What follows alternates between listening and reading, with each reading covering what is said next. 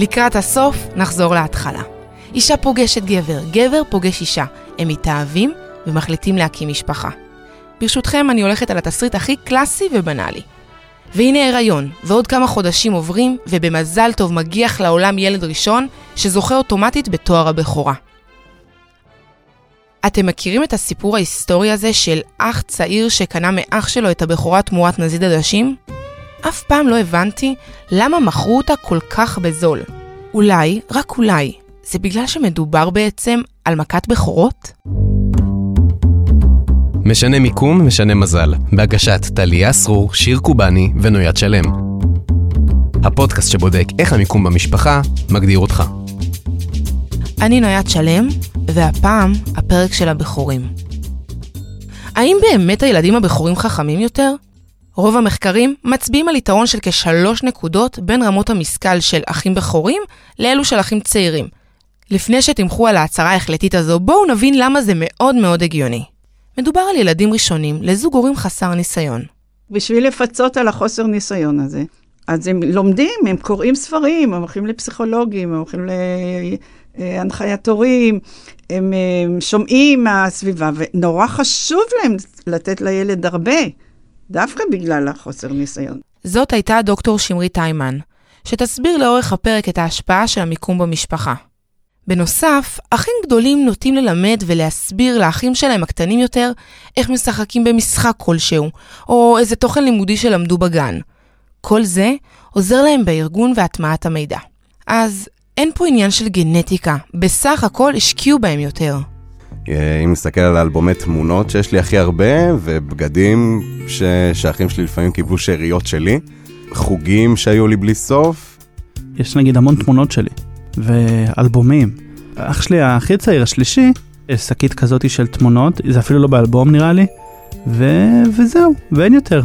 ברור ששחר הוא זה שיושב מקדימה, כי הוא הבכור, ולשחר יש את המקומות הקבועים בבית באיפה שהוא יושב, אם זה בשולחן אוכל או על הספות בסלון. מה שרציתי קיבלתי על סמך זה שאני בכורה, מגיע לי יותר.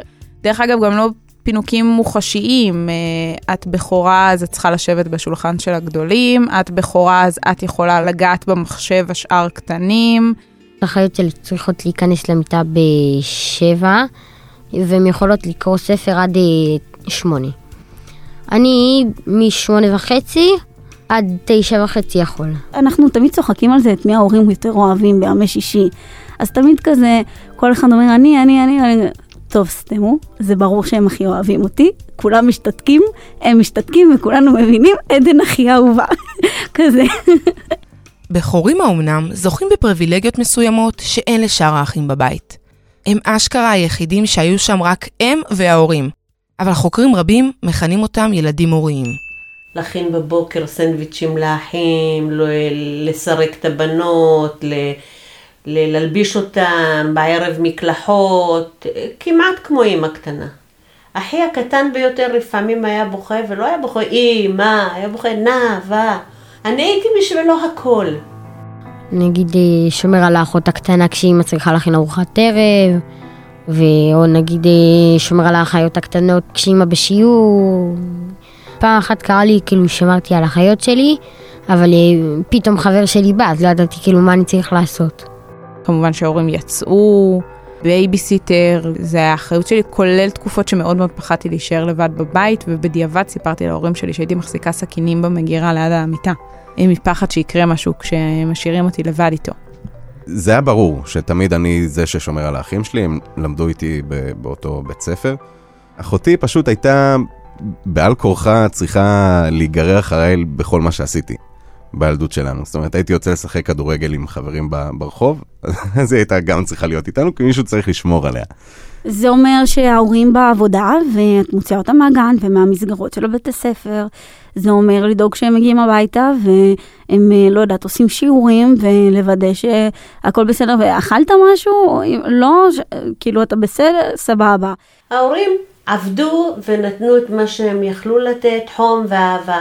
אבל לפתור בעיות, הם לא כל כך ידעו, לא שהם לא רצו. לא היה כל כך פשוט. דאגתי בעיקר לאחים שלי, קניתי להם משחקים, מה שההורים שלי לא התפנו לזה.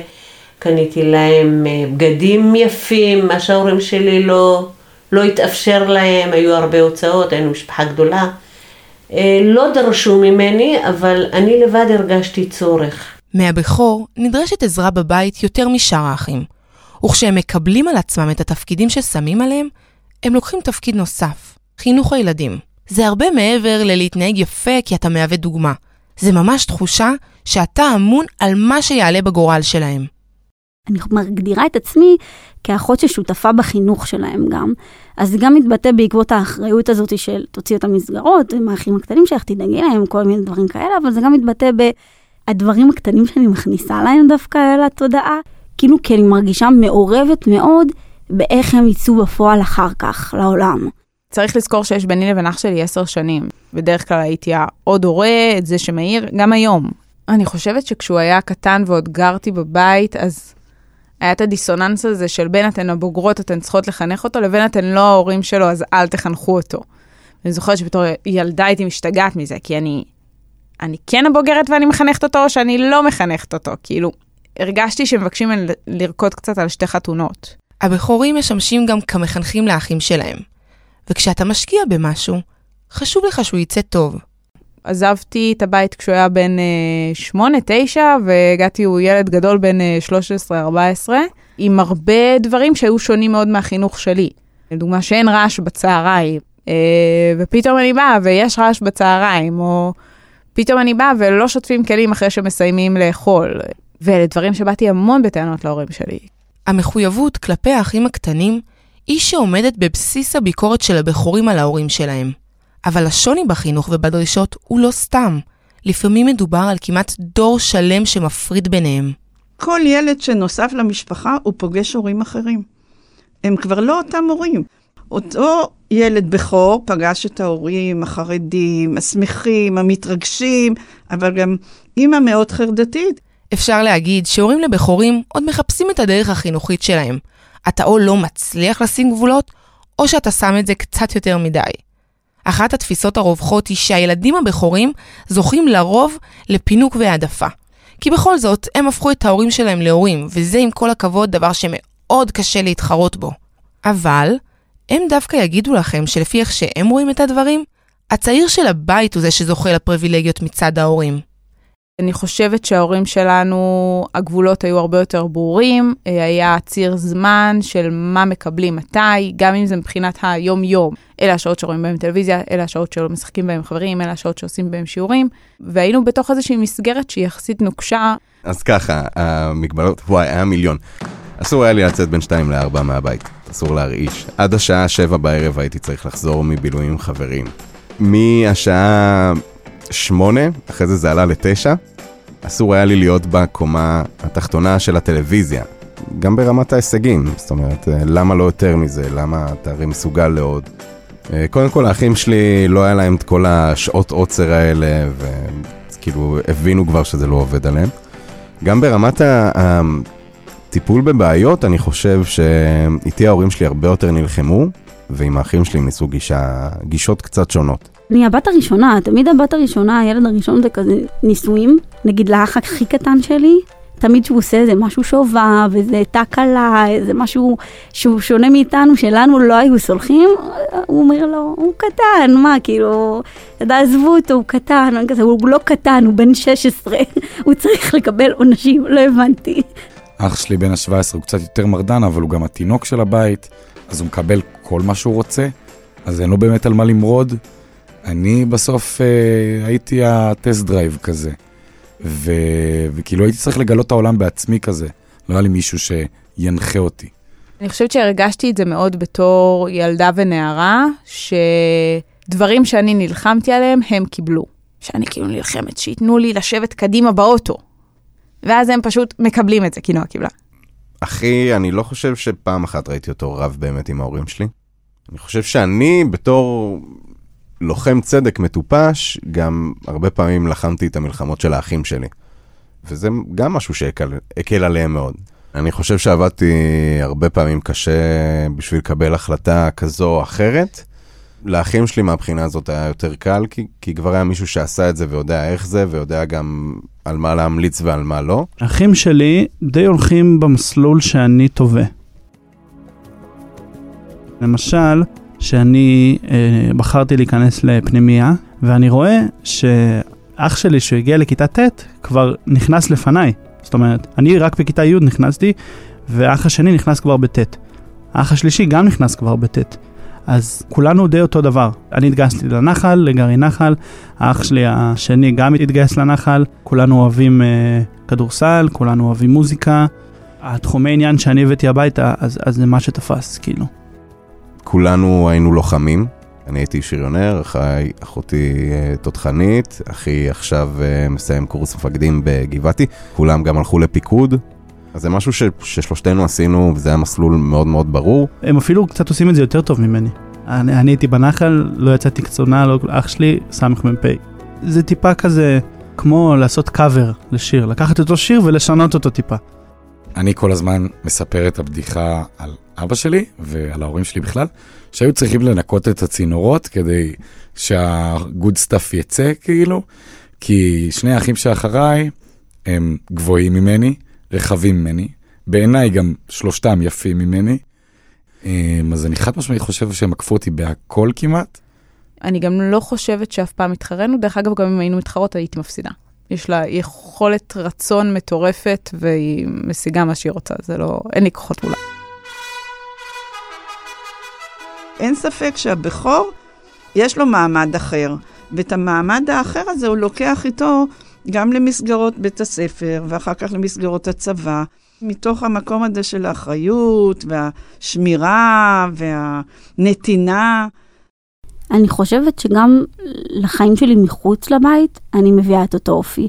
השנה התחלתי לגור עם אה, שתי שותפות, והם אמרו לי פעם אחת, וואי, עדן, את נורא אימהית.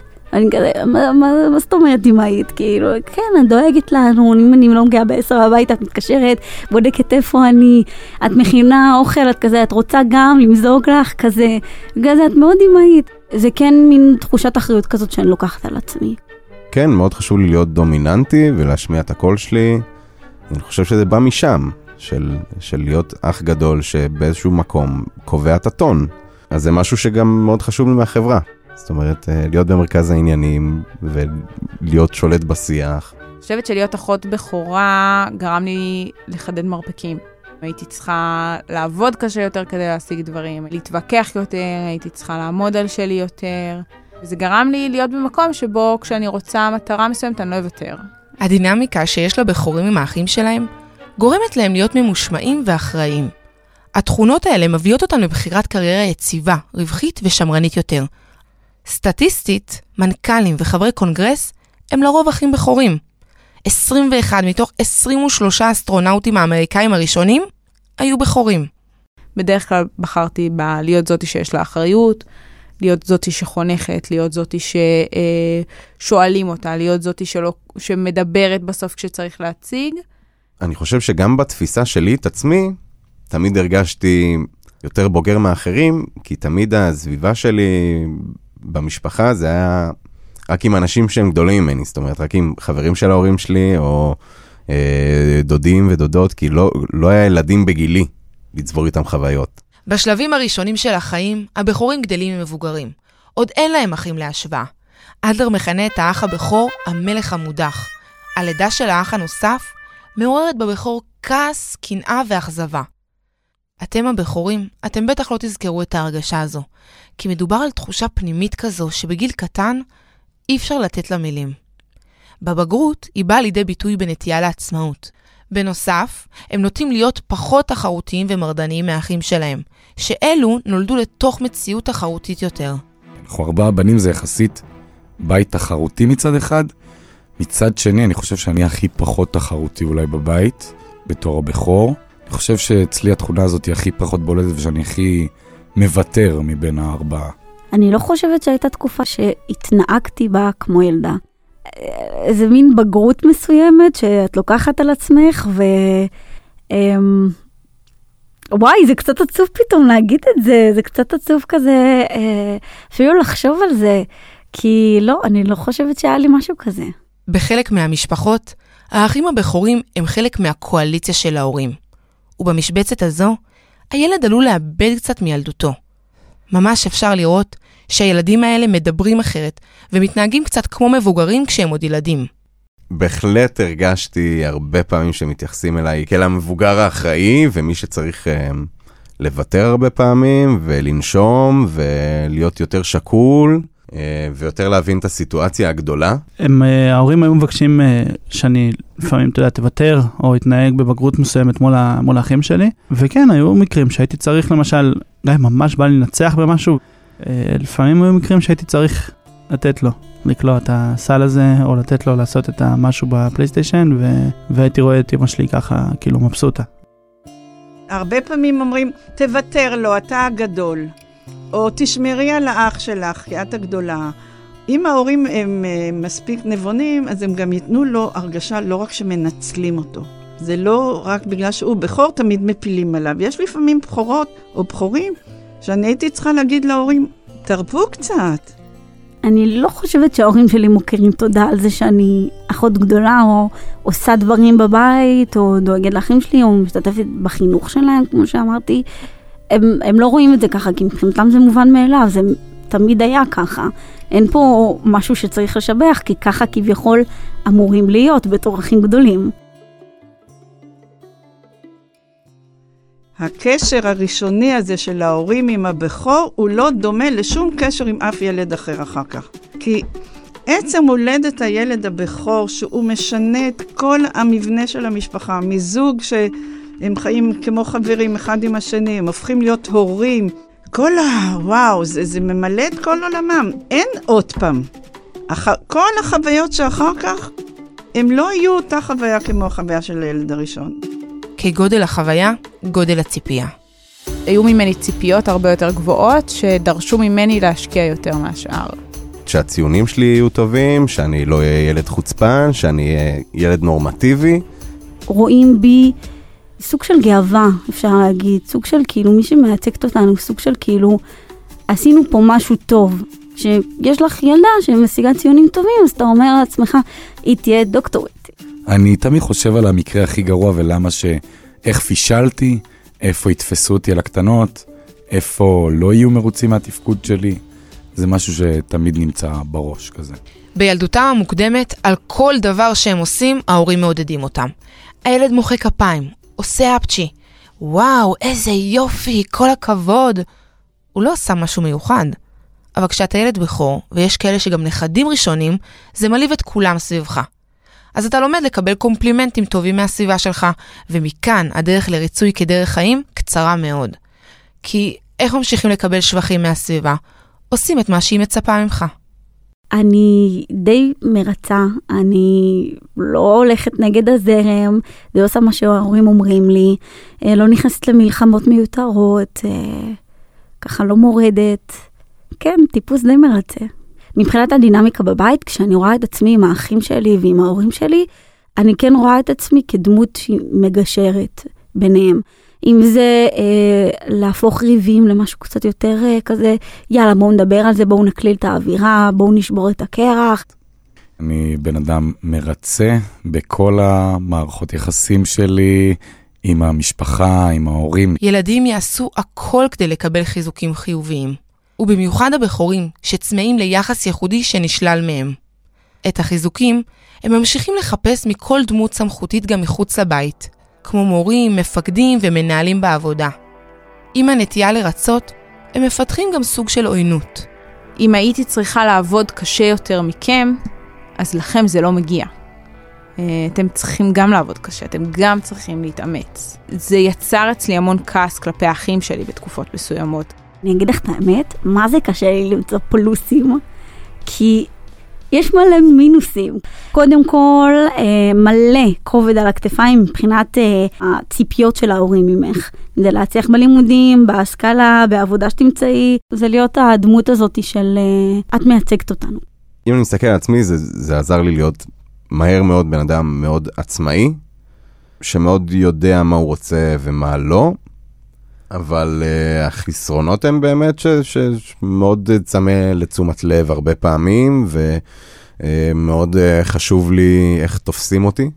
בסביבה שלי הרבה פעמים, ומאוד קשה לי להתנהל בסיטואציה שאני לא, במרכאות כפולות ומכופלות, הבוס בה. אני יודע לקחת אחריות, אני יודע, גם בתוך הלימודים, בתוך כל החיים האלה יש לנו מינוסים. אני נותן די להתעלם מהם ולקבל אותם כמו שהם, ולקחת את התפקיד הזה גם כשלך בכור, ב... בלב שלם. הם מאוד מכבדים את הדעה שלי ודווקא מאוד רוצים להתייעץ איתי, נגיד החלטות מאוד משמעותיות בחיים. כאילו אני בין האנשים הראשונים שהם מתקשרים אליהם ומבקשים עצה ולדעת מה קורה, אה, לפעמים אפילו יותר מההורים, אה, שזה כזה ממש משמח אותי אפילו להגיד. אני מת על זה. אני מת על זה, אני לא חושב שהייתי מסתדר בתוך אה, משפחה שבה הייתי האח הלא, הלא בכור. כאילו, אני לא, לא יצא לי להגיד אף פעם, וואי, איזה באסה, כאילו איזה זה שלא נולדתי שלישי או משהו כזה. זה גורם לי גאווה זה שהם בוחרים ללכת בדרך שלי, ושהם באים להתייעץ איתי על דברים. לפעמים זה דברים אפילו שהם לא דיברו עם ואבא, ואז אני בכלל מרגיש מלך העולם. לא הייתי בוחר מיקום אחר.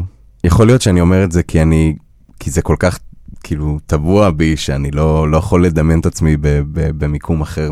וואי, זה כמו להגיד, האם היית משנה את השם שלך? אני לא חושבת שהייתי בוחרת מקום אחר להיוולד בו.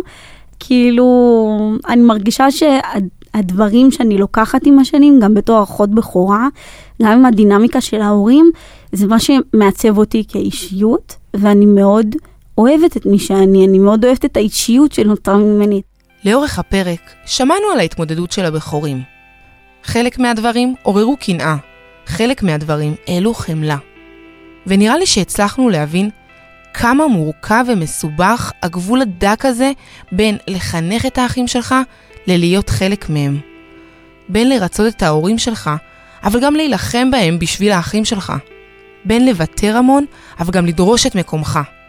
ולהיות אח בכור לא רק בסביבה המשפחתית שלך, אלא ממש בכל מקום. אז תודה לדוקטור שמרית היימן, שנתנה את קולה המקצועי לאורך הפרקים. תודה לבכורים שלנו, עופרי מקוב, שחר חיימוביץ', עדן דוידוב, נועה אלבז צינר, נאוה קובאני, מנדל רוזנטל וגיא בלוך. ואם סיימנו עם הבכורים, בואו ניתן להם גם לסכם. אני חושבת שכל משפחה יש בה משהו אינדיבידואלי. לכל משפחה יש את הדברים שמשפיעים עליה, אם זה העדה, אם זה המקום הגיאוגרפי שבו חיים, הסביבה, השכונה. אני חושב שבכל מיקום יש, יש יתרונות וחסרונות. בסוף צריך לדעת להצביע עליהם, ועל מה שיתרונות ממש להדגיש אותו, ומה שחיסרון קודם כל מאוד להיזהר ממנו, אבל גם, אה, גם לדעת אה, לעצור אותו בזמן, ואם לא, לקחת עליו גם אחריות. בני זקונים וגם אמצעים, יש להם קשיים שהם אולי אחרים, אבל משפיעים עליהם מאוד בהתנהלות היומיומית. תודה שהאזנתם והאזנתם לפודקאסט משנה מיקום משנה מזל, בהפקת שיר קובאני, טליה סרור ואני, נויית שלם. את הפרקים ניתן למצוא בכל אפליקציית הפודקאסטים.